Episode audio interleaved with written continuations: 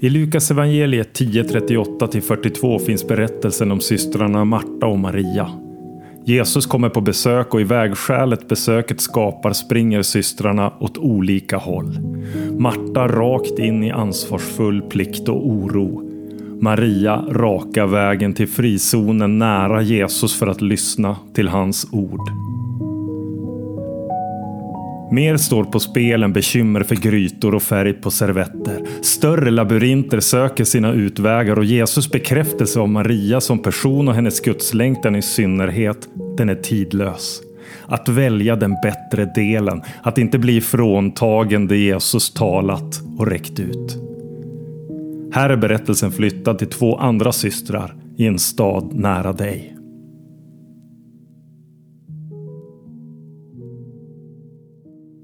Två systrar. Hur ska dessa stackars korvar räcka i nästa paus, tänker Märta och kör runt en matpinsett i korvgrytan. Det är hemmamatch och kioskansvar och oron över korvspadet stör henne. Inte så mycket att korven håller på att ta slut före matchen gör det, men att hon överhuvudtaget inte kan hindra att det blir en grej för henne. Vad ska bortalagets föräldrar tänka om oss och våran förening? Vad är det här för futtig kiosk som inte ens har ett eget swishnummer utan man måste swisha mig privat? Vad gör jag om korvbrödet tar slut före korven? Det snurrar igång fler frågeställningar än nödvändigt och lika mycket som Märta älskar ansvar och sina söners innebandylag, lika värnlös känner hon sig. Hemmalaget vinner med 10-3, men Märta förlorar mot oron på straffar igen. När hon kommer hem från matchen har hennes man Anders målat färdigt evighetsprojektet Köksön. Den är klar! utbrister Anders och gör dubbla V-tecken med händerna och ser omåttligt stolt ut. Nu har du någonstans att ställa fritösen när vi ska göra churros till Lins fest nästa helg, säger han och Märta ger honom en puss på kinden. Tack älskling, du är bäst. Inte snabbast alltid med grejer, men du är bäst. Märta och Anders bor bra och lever fullt ut. Hon är ekonomichef på ett större företag och Anders är IT-konsult. De är mitt i snurren av verkligheten med tre barn mellan 11 och 17 år. Det är skjutsar till innebandyträningar, dansgruppen, ridhuset, kulturskolan och scouterna. Det är storhandlingar, egen träning, och läxförhör. Det säljs newbody och vakuumförpackade charkvaror till klassresor. Det är tjänsteresor, vinterresor till fjällvärlden, restresor till Sydeuropa och helgresor till svärföräldrarna. Delade kalendrar och listor på anslagstavlan i köket. Det som folk har det mest försöker Märta trösta sig med när tidsekvationerna inte går ihop. Även om familjen har mer pengar än de hinner spendera är oron Märtas oinbjudne följeslagare i livet. För det går bra att ha mer än lovligt på banken. Det är en klen tröst när mellanbarnet går till skolan med magknip och aldrig lyckas bli inbjuden eller efterfrågad till något som händer. Eller vanmakten över deras totalt gränslösa hantering av familjens alla telefoner och skärmar. Märta som läst både forskningsrapporterna och gjort planerna och uppläggen för att hantera detta. Hon står handfallen och har kapitulerat. Ovetskapen om vad som skickas tittas och äter upp hennes barn bakom stängda dörrar slår ibland in som rasande vågor av rädsla. Dråpligt nog kommer Märta ofta på sig själv med att hantera sin egen dövande oro genom att sjunka ner i soffan, dra fram mobilen och tröstäta Pinterest och choklad med havssalt. Hon som har allt flyr. Hon som är allt för alla har allt för sällan vilopuls. Det finns en noggrannhet i Märtas liv som synliggörs i deras hem. Det är ordning och reda på saker. Allt har sina krokar, lådor, etiketter och sin plats. Det är stil och stilrent. Det är rent i hörnen och dammfritt under alla möbler. Du hittar boken du söker sorterad i bokstavsordning i bokhyllan men hittar inga chips mellan soffkuddarna, inga vilsna björkfrön på hallmattan. Noggrannheten tippar över i Märtas attityder och bildar ibland krav på andra som hon egentligen inte alls gillar. Hon hör det på sitt eget tonfall. Det blir krav på Anders att vara mer än han ibland klarar. Det kan vara hans oförmåga att få saker gjorda i tid eller trevande hitta och hålla kvar gnistan i deras relation. Men det handlar också om tron på Gud som de delar utan att dela. Den finns där, Men det pratas aldrig om den. Den förvaltas mer som ett heligt fornminne. Kanske överförs den till barnen, kanske inte. Märta vågar inte öppna det rummet av oro, en avgrund av svårigheter och självanklagelser. Sammantaget är Märtas liv på drift. För osynligt för andra att se, för lite för att Anders ska ana något definitivt omärkbart för barnen. Men mamma driver. En barkbåt, en fors, en kvinna mitt i livet. På tåget på väg hem från en konferens med andra chefer på hennes jobb hamnar Märta en dag i en podd om en kvinna som bara äger 150 saker. Det låter omöjligt och utmanande och Märta blir stående på perrongen för att lyssna färdigt innan hon går till bilen och hämtar dottern på ridhuset på vägen hem. I slutet av podden hör Märta kvinnan säga man måste titta på sin längtan, vad man egentligen vill ha. Stirra ett tag och se igenom ytan. Ofta vill man ha något annat än man tror och plötsligt har du köpt en sommarstuga som du önskar brann upp. Jag åker buss ibland, för jag har ingen bil. Och jag vill bara skrika till allihop. Hoppa av folk! Har ni valt resan överhuvudtaget? Podden väcker en kluvenhet i Märta, slår in med en egen längtan att minska ner, att bromsa. Men också en känsla av att livet är nu och barnen ska minsann inte ha något mindre än de bästa förutsättningarna att blomma och växa. Anders och hon är faktiskt värda den nivå av välfärd de njuter av. Det är studielånen skyldiga dem. Utanför stallet tänker Märta på kvinnans ord. Man måste titta på sin längtan, vad man egentligen vill ha. Sa hon så? Stirra ett tag och se igenom ytan. Orden väcker många provocerande och utmanande tankar hos Märta. Det går ju inte att sälja ner till 150 saker. Inte med en garderob med 9 byxdressar och elva kavajer, 13 par klackskor och 8 höga stövlar. Inte för hennes man med 18 slipsar och matchande näsdukar i kavajernas bröstfickor. Vart skulle hon ens börja? Vad skulle hon helst vilja bli av med? Kattsanden som deras brittiskt korthåriga Smulan sprätter hejvilt i badrummet eller hennes mans tre paddelrack? Väl hemma skickar hon sin dotter via duschen in på sitt rum med engelska läxan, en rostad macka och ett glas mjölk. Vad har jag egentligen på vinden? Alla kartonger vi samlat på oss genom åren. Jag kommer aldrig vilja ner till 150 saker. Men tänk om några kilo av all min oro skulle hamna på sortergården om några av alla gamla prylar gjorde det. Tänker Märta och småskrattar åt sin naiva problemlösning. Nyfikenheten hon känner tänder en gnista som snart ska sätta betydligt mer i lågor. Hon går upp på övervåningen, fäller ner stegen i taket, stegen till vinden och börjar leta bland bananlådor och flyttkartonger. Lika mycket som Märta letar bland lådorna, lika mycket njuter hon över hur överjordisk bra ordning det är på allt de sparat på vinden. Det finns inte en människa på planeten som vet eller kommer få hjälp av Märtas etiketter och system på den mörka sågspånsbottnade vinden.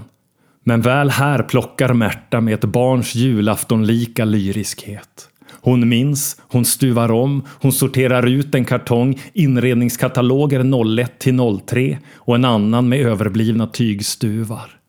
När hon lyfter fram katalogkartongen till vindsluckan faller pannlampans ljuskägla på en kartong med feta tuschpennebokstäver. Bibelskolan, mitt livs år. Morsan, när ska vi käka? Och vad? ropar Linus nedanför luckan. Märta sitter ihopkurad med pannlampa, försvunnen in i fotoalbum och minnen. Anteckningar och postitlappar med bibelord hon lärde sig utan till. En våg av henne själv sköljer över. Den fyller hela vinden. Det här har jag glömt att jag också är, tänker Märta och hör Linus för tredje gången med en 17-årings otålighet i rösten. Alltså hallå morsan, kommer vi äta idag? Jo, snart, ropar Märta tillbaks och vänder blad i en perm. Hon kan inte slita sig. Sin vana trogen redan på bibelskolan är det noggranna register i permar med bibelundervisningen. Under fliken mission hittar hon en slags undervisningsserie om evangelisationsstrategier i apostlagärningarna. Hon blir förundrad över allt hon tydligen lärde sig av lärarna på bibelskolan.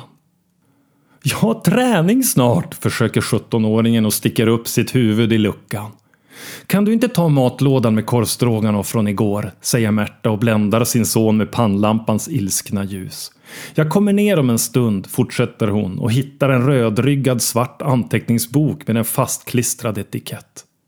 Etiketten är hjärtformad och bokstäverna uppriktiga. Mitt hjärtas längtan, står det på etiketten och minnena blåser in i Märta. Hon börjar bläddra. Hon vet vad hon bläddrar i och letar efter. Hon minns en kvällssamling på bibelskolans vårtermin när hälften gått iväg för att fika och några gått i säng. Men när hon och tre vänner blev sittandes vid den lilla böneplatsen i bibelskolans kapell. Det var hennes point of no return. Kvällen när trossar och linor kapades. När det luddiga ordet överlåtelse ristades in i varje cell.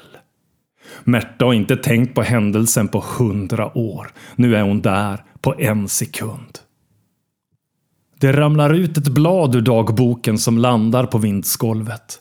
Märtas ögon naglas fast vid bladet med spretig kant från ringpermen det en gång satt i och hon inser att hennes eget hjärta plötsligt ligger nedsinglat bland sågspånen på vinden. Det är bladet hon letar efter. Det är som att hitta en relik från antiken. Göra ett fynd som stoppar motorvägsbyggen på obestämd tid. Det är en obetydlig pappersbit det är en ovärderlig skatt. Längst upp på lappen står det med mörkblått bläck Bönen för mitt liv. Märta minns hur hon satt den där kvällen och skrev ner en slags bön. En samlad önskan för allt hon ville bli och allt hon ville ha. Hon minns att hon där och då såg sitt eget 45-åriga jag framför sig och tänkte Det här vill jag säga till mig själv en vacker dag när jag är mitt i livet. När jag blivit en sån där torris som jag visserligen aldrig kommer bli. Anders kommer hem och när han inte får något återsvar på sitt hallå går han upp till övervåningen. Vad gör du där uppe älskling? hör Märta från korridoren under vindsluckan. Jag letar om jag kan hitta mig själv, tänker Märta och svarar. Kollar efter en grej, jag kommer snart. Se om det blev kvar någon korvstroganoff efter Linus, är du snäll. Tidsmaskinen lyfter igen och Märta är snart försvunnen. Upptagen helt i bortglömd längtan och ungdomlig iver efter mer av Gud. Hon bläddrar i dagboken och i permar. Märta lyckas till slut med all sin mogna vuxenhet lägga band på sig själv och staplar tillbaka kartonger på rätt plats och lägger lock på lådor. Det är utvecklingssamtal för mellangrabben ikväll och efter det väntar ett spinningpass med Märta och hennes lilla syster Mia. Hon tar med sig den svarta boken ner, de utsorterade kartongerna får stå kvar, hon stänger vindsluckan och dammsuger av golvet från enstaka sågspån som ramlat ner. Hon går trappan ner och ser sig själv i hallspegeln och stannar upp. Hon ser den hon är. Den hon var. Hon ser mer än vad som syns. En barkbåt, en fors, en kvinna mitt i livet.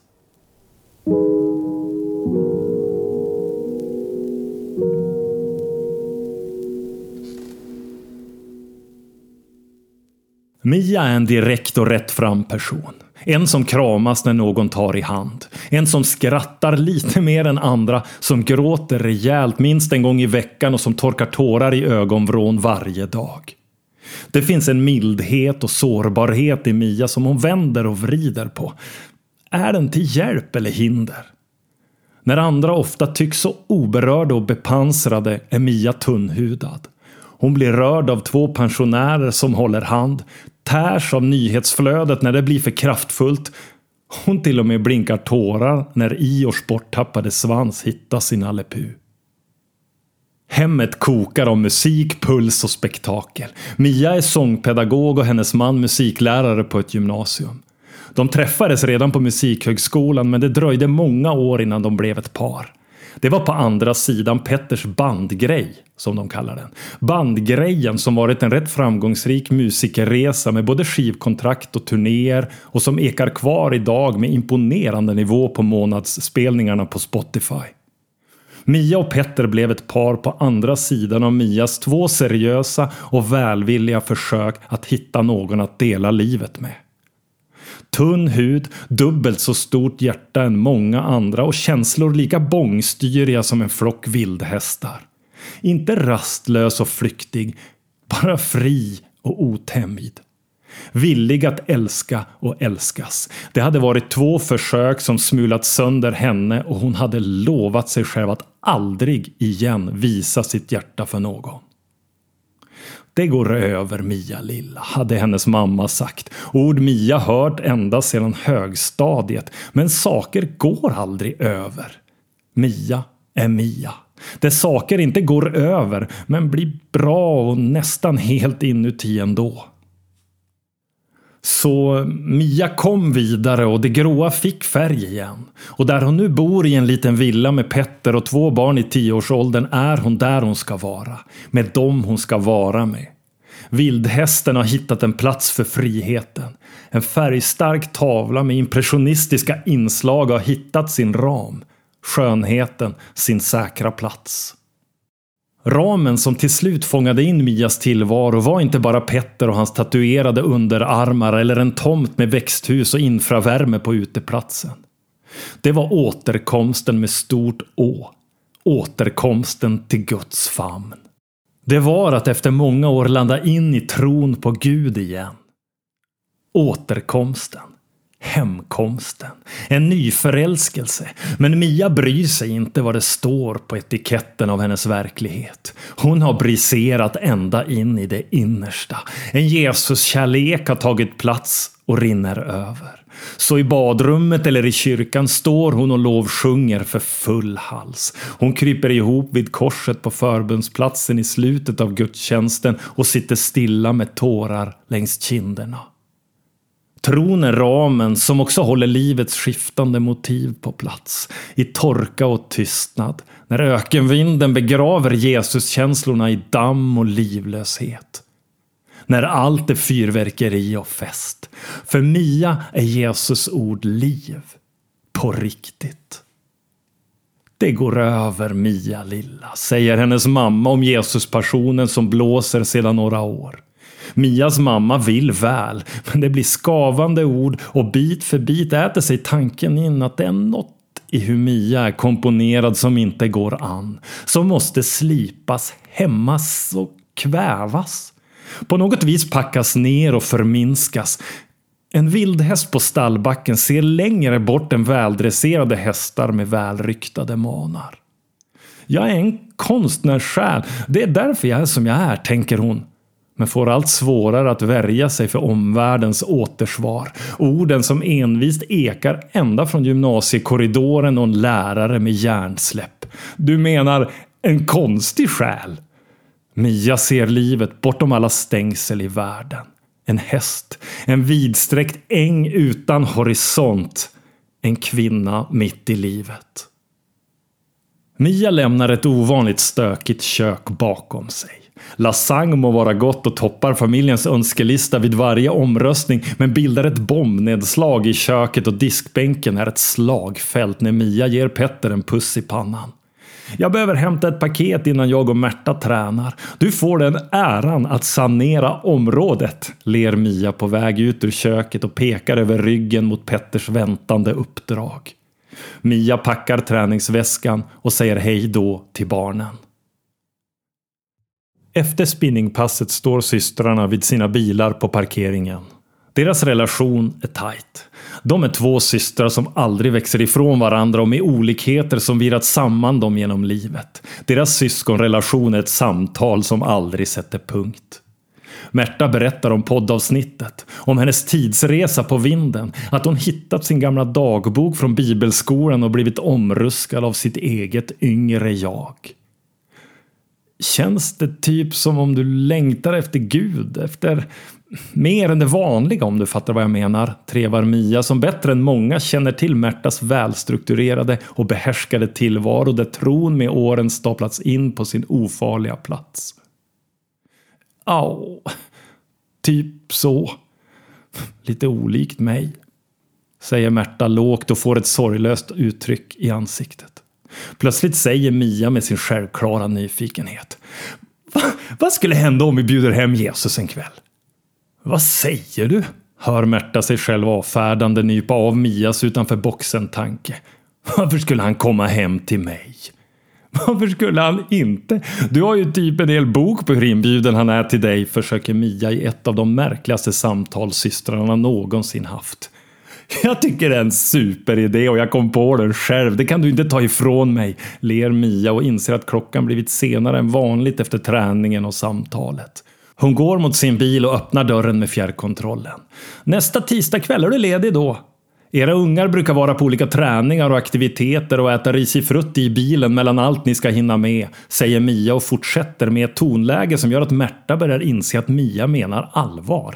Vi lagar något enkelt. Eller något avancerat du är bra på, så bjuder vi dit Jesus och kollar igenom din bok. Det kan bli totalt fiasko. Ett sånt antiklimax att vi dör både du och jag. Mer pinsamt än när mamma dansade Macarena i påskas om du minns. Men det kan bli galet spännande också. Hur ofta lagar man mat till Jesus? Och vad lagar man? avslutar Mia. Ja, Äh, jag måste sova på saken, vi hörs, säger Märta och sätter sig i bilen, trycker på startknappen och kör hemåt i kvällsmörkret. Tankarna snurrar. Bjuda hem Jesus. Nästa tisdag kväll. Vad händer nästa tisdag kväll? Hon inser att Anders skulle kunna ta hela logistiken för barnen den kvällen och hon och Mia skulle faktiskt kunna ses. Det är för dumt, tänker hon och skakar på huvudet. Det är genialiskt. Hjärtat i tjejen från det lilla kapellet slår dubbelslag. Hjärtat i dagens Märta tvekar men hinner inte hem förrän Mia ringer upp. Alltså Märta, vi bara måste. Jag går spinn här. Visst är du på? Jag, jag, jag vet inte, trevar Märta. Men Anders är med Linn i stallet och grabbarna har övningar på kulturskolan och sen träning. Jag är ensam hemma då. Men Borde inte Anders vara hemma om Jesus ska vara där? Säger plötsligt Mia. Det finns ju något lite mm, skumt i att du tar hem andra män när din egen är iväg. Hennes överdrivna och spelade tveksamhet får Märta att tända till. Men Mia skärp dig, vad tror du? Det är mer att Anders och jag tappat bort Gud i allt som vårat liv blivit. Som om vi drivit iväg runt andliga saker och jag måste bara få prata med Jesus utan Anders korslagda armar och färdiga svar. Tror du inte Jesus kan hantera Anders? Han har väl löst större knutar än så och burit på tyngre grejer och kommit igenom med äran i behåll, försöker Mia och hör det smått komiska i situationen. Hur som helst, ser han. Jag är med på det hela. Kom vid 18 så kan vi fixa med maten ihop. Jag tänker ut något och kan handla, säger Märta.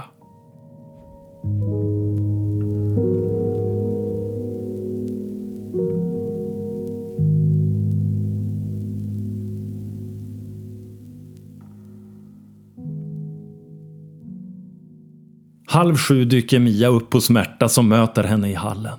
Förlåt att jag är sen. Du vet hur det blir och hur jag är, försöker Mia. Ja, jag vet hur du är och det är just det som jag en kväll som denna är lite orolig för. Jag har inte hunnit hälften i köket på egen hand. Det får inte bli halvdant ikväll, fortsätter Märta över axeln och skyndar mot köket. Mia hänger av kappan och går över de blanka stora klinkerplattorna i den golvuppvärmda hallen. Skopar efter skopar i vakt, jackor på galgar, ordning och reda. Mia har med sig en sallad och en påse flaskor. Lite oklart vad man bjuder Jesus på, ler hon skevt. Äppeldryck med ciderkaraktär kanske?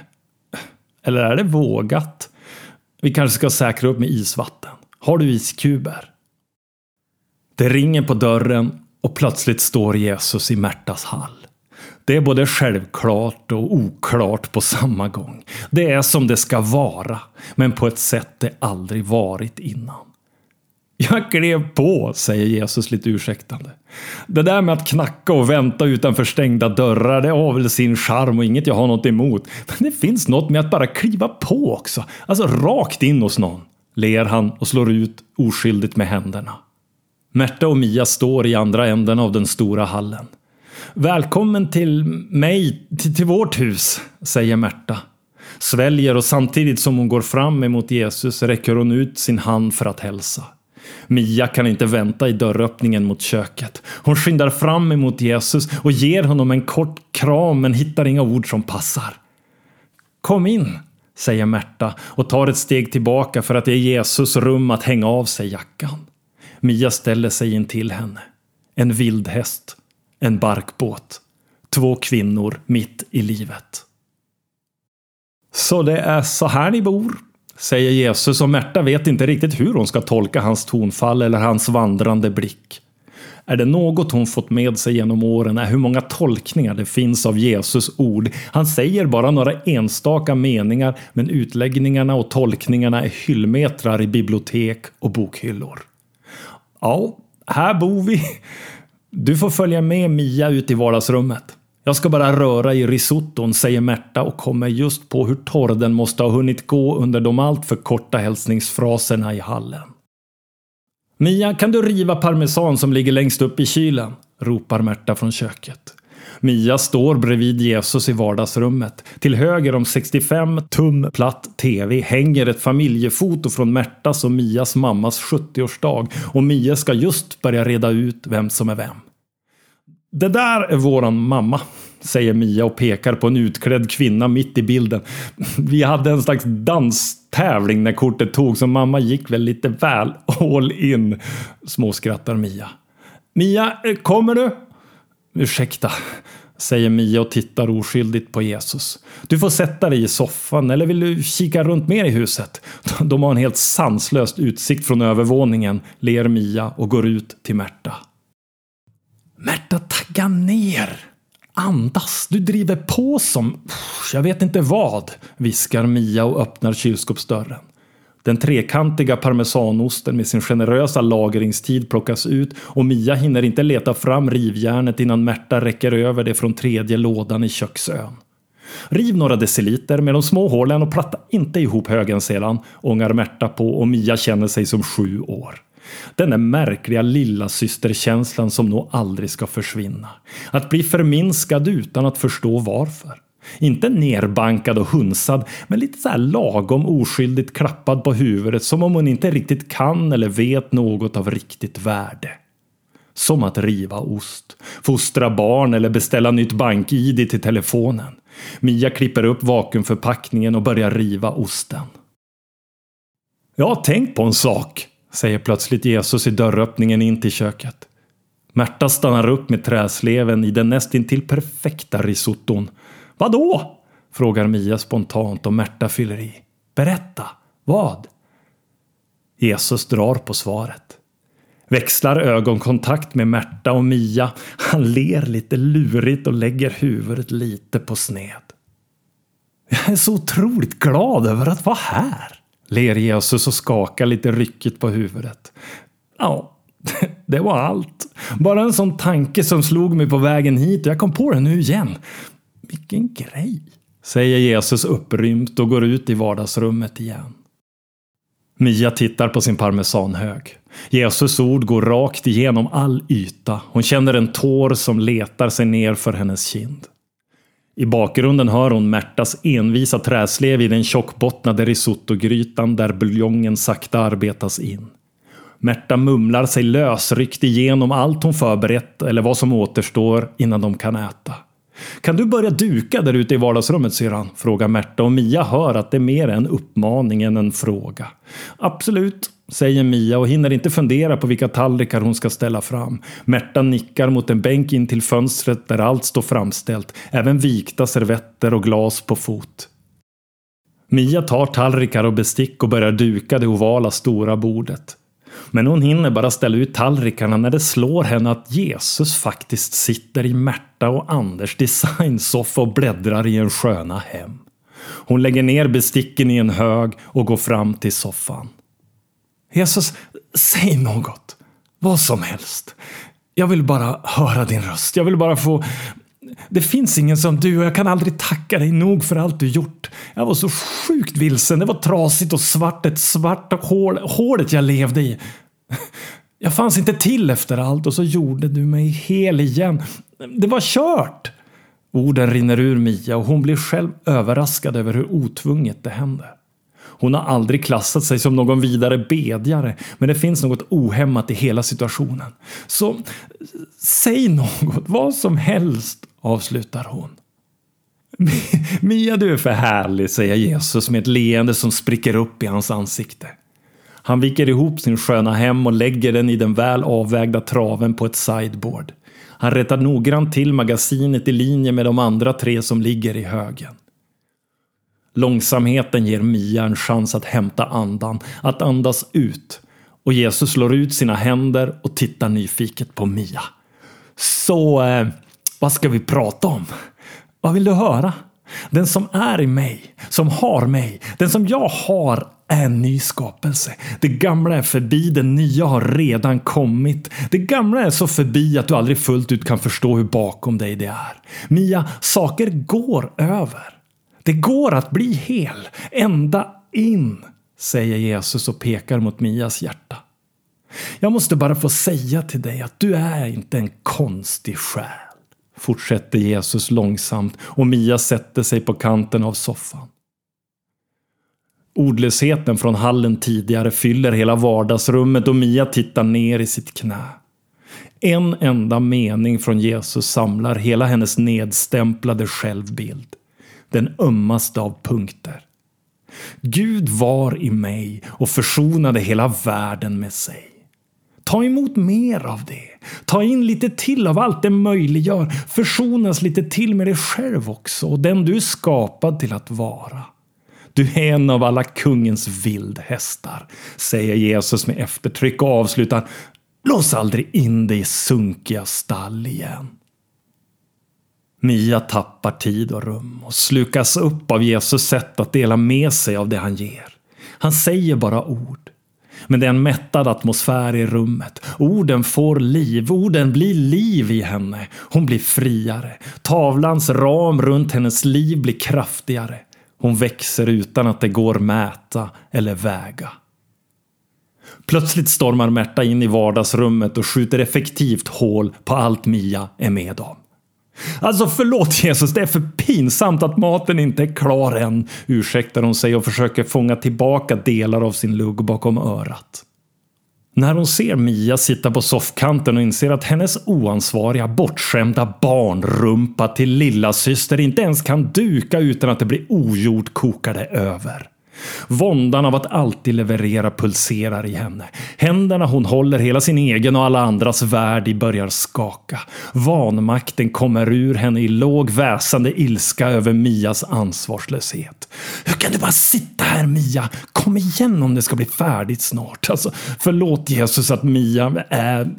Att hon är som hon är. Hör Märta sig själv säga och allt stannar upp. En barkbåt på kanten av ett vattenfall. En kvinna mitt i livet.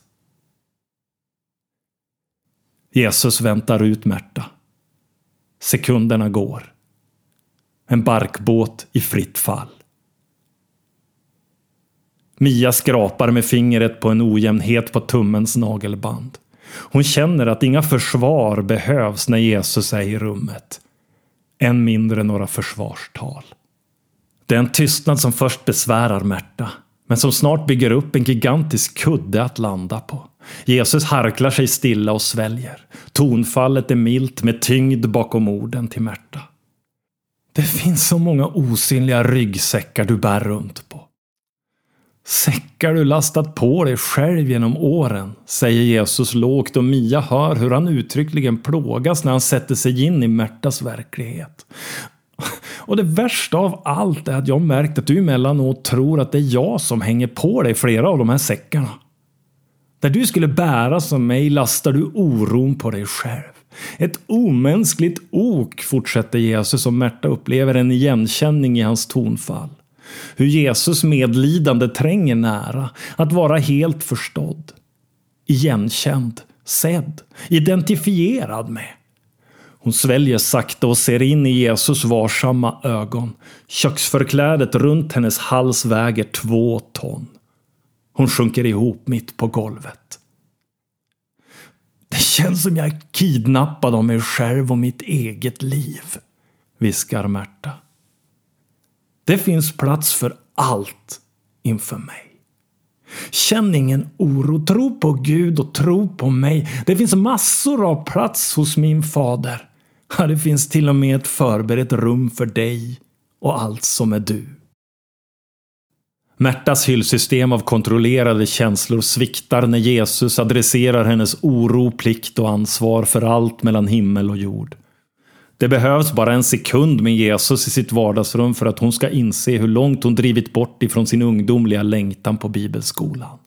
Hur åren gått och forsarna fört henne från den enkla kärleken till Gud där han bar henne till att hon börjat bära allt. Den där obemärkta driften. En roterande barkbåt i en ändlös ström.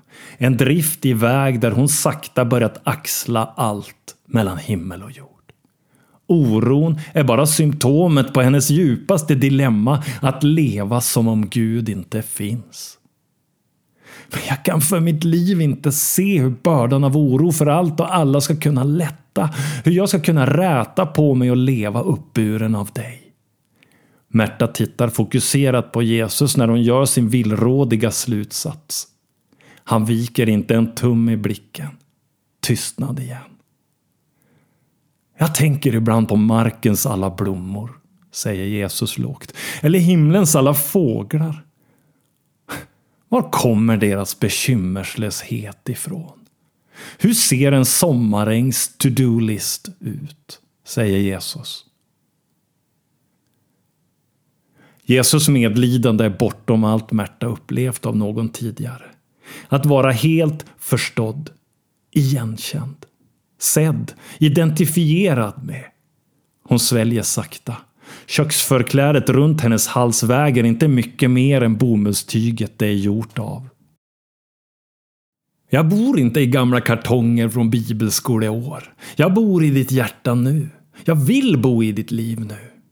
Jag vill vara ditt liv idag, utbrister Jesus och hans röst växer och han pekar med sin hand på Mia. Mia har valt den goda delen sista tiden. Den där upptagenheten av mig och mina ord, den ska ingen ta ifrån henne. Och du ska själv släppa in den bit för bit, Märta. För jag vet att samma hjärta slår i dig nu som slog i dig den där kvällen när du skrev ner din bön för ditt liv. Det är andra slag idag, men pulsen finns där. Jag hör den. Jag känner den. Allvaret i stunden är inte hotfullt, men Märta står i ett vardagsrum fyllt av ovisshet. För första gången på år och dagar inser hon att hon inte har kontroll över situationen hon befinner sig i. Om vad som väntar bakom nästa krök. En avväpnande stillhet. En fors som stannat av till en stilla damm. En uppplockad barkbåt i Guds händer. Det verkar inte finnas något avstånd hos Jesus mellan högt och lågt. Ingen andlig vibration som skakar det oandliga längre ner på listan för han reser sig sakta och säger lugnt ah, nu går vi till köket och räddar en ihoptorkad risotto innan vi fortsätter prata. Mia ler inom sig åt tanken att det nog kommer kräva att man är världens frälsare för att klara den uppgiften. Jag vill titta mer i din bok sen, säger han och nickar mot Märtas framlagda svarta bok på rumsbordet och börjar gå mot köket. Mia följer efter. Märta reser sig och känner hur blodet sticker lite i fötterna hon suttit på en bra stund. Hon lyfter upp den gamla dagboken och bläddrar fram det utrivna bladet. Hon håller hela sin unga längtan mellan fingrarna. En nedskriven bön för 27 år sedan. Bläck som fortfarande inte torkat. Ord som lever igen. Märta hör hur Mia och Jesus startat räddningsuppdraget av den alltför försenade middagen och hon tittar på sin lapp och fastnar på sista strofen. Den slår tillbaka in i djupet av hennes medelålders liv, krokar tag och börjar boxera henne mot oviss men fastare mark. Jag vill älska Jesus mer imorgon än jag gör idag. Amen. Thank you.